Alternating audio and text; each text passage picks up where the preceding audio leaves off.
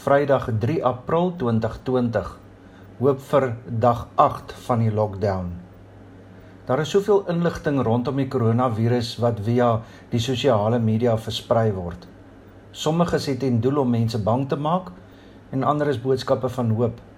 Sommiges is feite, maar baie is fopnuus. Ek kan glad nie verstaan hoekom mense in tye soos hierdie verwarring en valsheid versprei nie. En dan doen hulle dit nog in die naam van die Here.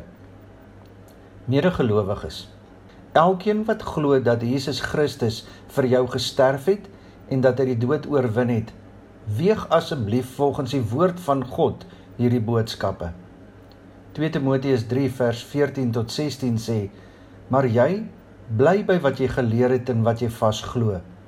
Jy weet tog wie jou leermeester was en jy ken van kleins af die Heilige Skrif.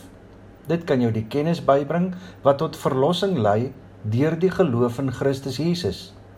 Die hele skrif is deur God geïnspireer en het groot waarde om in die waarheid te onderrig, dwaaling te bestry, verkeerdhede reg te stel en 'n regte lewenswyse te kweek. Dit gee vir jou kennis wat tot verlossing lei deur die geloof in Christus Jesus.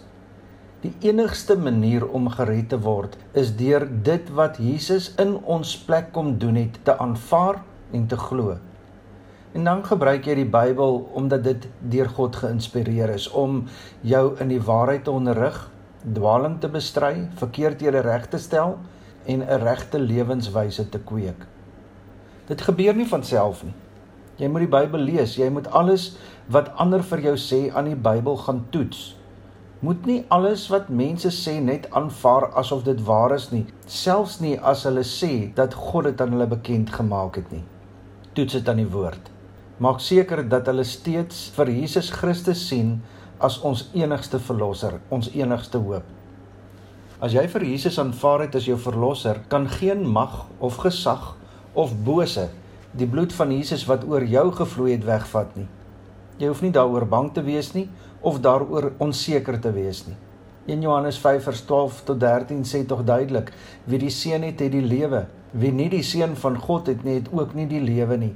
Hierdie brief skryf ek vir julle sodat julle kan weet dat julle die ewige lewe het, julle wat in die Seun van God glo. Die enigste manier hoe ons in hierdie tyd emosioneel en geestelik staande gaan bly, is as ons die wapenrusting van God aantrek. Efesiërs 6 vers 10 en verder. Soek julle krag in die Here en in sy groot mag. Trek die volle wapenrusting aan wat God julle gee, sodat julle op julle pos kan bly ondanks die listige aanslag van die duiwel.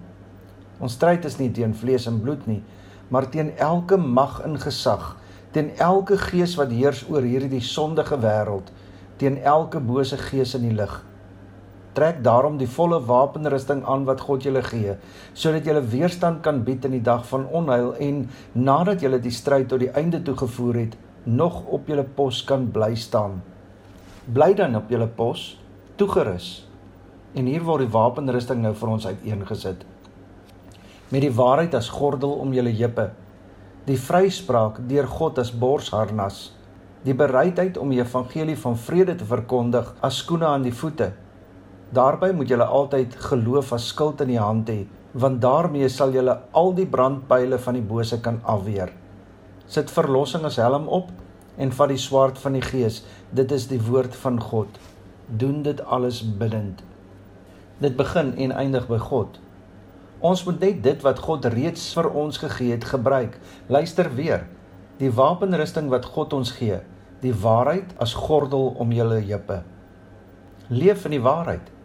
Die waarheid is dat Jesus in ons plek gesterf het, dat hy al ons sondes op hom geneem het, dat hy die oordeel oor ons kom dra het. Johannes 3 vers 16 tot 18. God het die wêreld so lief gehad dat hy sy enigste seun gegee het sodat die wat in hom glo nie verlore sal gaan nie, maar die ewige lewe sal hê. God het nie sy seun na die wêreld toe gestuur om die wêreld te veroordeel nie, maar sodat die wêreld deur hom gered kan word. Wie in hom glo, word nie veroordeel nie. Wie nie glo nie, is reeds veroordeel omdat hy nie in die enigste seun van God glo nie. sien, dit is die waarheid waaraan jy moet vashou. Die tweede deel van die wapenrusting is die vryspraak deur God as borsharnas. Die vryspraak wat Jesus vir jou bewerk het, is jou borsharnas. Dit beskerm jou hart. Leef en dra jou vryspraak.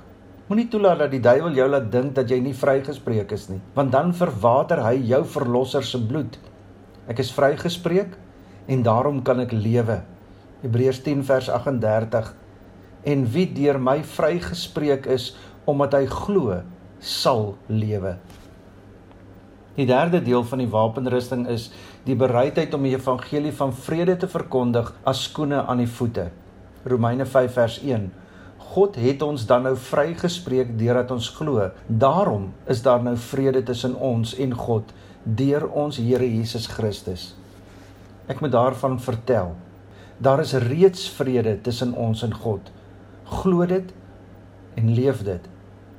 Die vierde deel van die wapenrusting. Daarby moet julle altyd geloof as skild in die hand hê, want daarmee sal julle al die brandpyle van die bose kan afweer.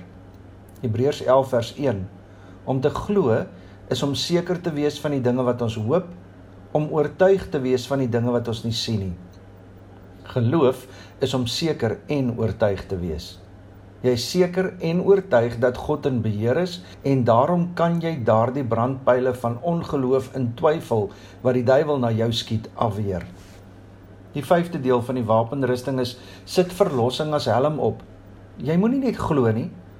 Jy moet ook met jou verstand dit weet. My gedagtes, my denke moet by my geloof inskakel. My verlossing is nie net iets wat ek hoop en glo nie. Dit is iets wat ek kan en moet weet. In Johannes 5 vers 12 en 13, wie die seun het, het die lewe, wie nie die seun van God het nie, het ook nie die lewe nie.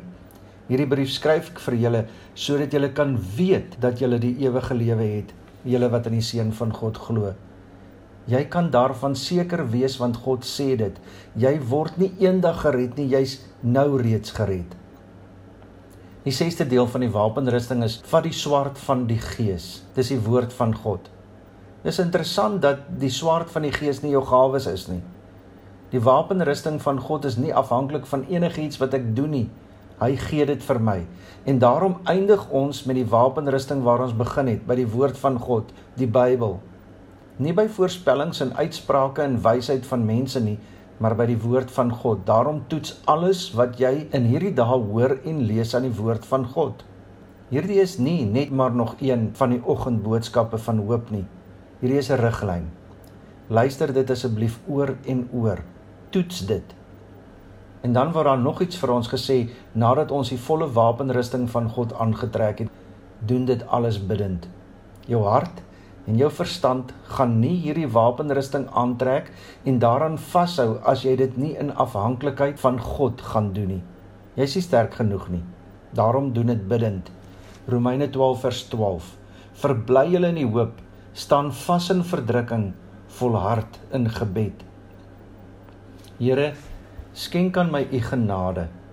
Lig waar ek net donker sien, moed waar ek vrees, hoop waar ek wanhoop, vrede waar my gemoed storm, vreugde waar ek hartseer is, krag waar ek swak is, wysheid waar ek verward is, sagtheid waar ek bitter is, liefde waar ek haat, Ek dra die waarheid van verlossing as gordel.